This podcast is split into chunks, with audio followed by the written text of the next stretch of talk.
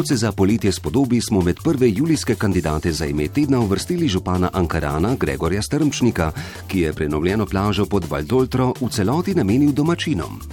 Literarni kritik Aljaš Krivec je letos prejel Striterjevo nagrado za obetavne mlade kritike, ime tedna pa je postal David Razboršek, gonilna sila gibanja Še vedno vozim, vendar ne hodim, ki mlade voznike ozavešča o pomenu varnosti v cestnem prometu.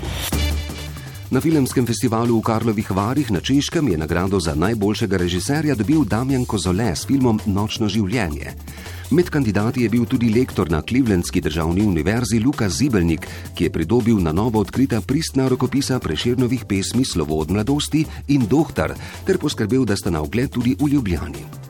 Ime tedna pa je postal Jan Klavora, organizator festivala Soča Outdoor, saj si dolina Soče poleg različnih glasbenih dogodkov zasluži tudi športnega.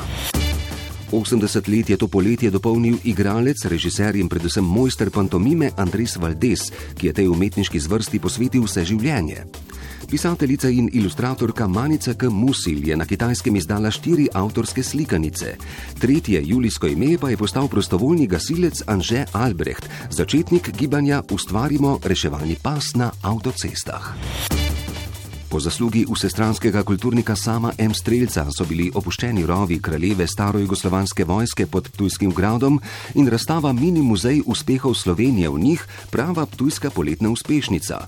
Režiser Miha Knific je za svoj film Ustrajanje v Karlovih varih prejel nagrado za najobetavnejši filmski projekt.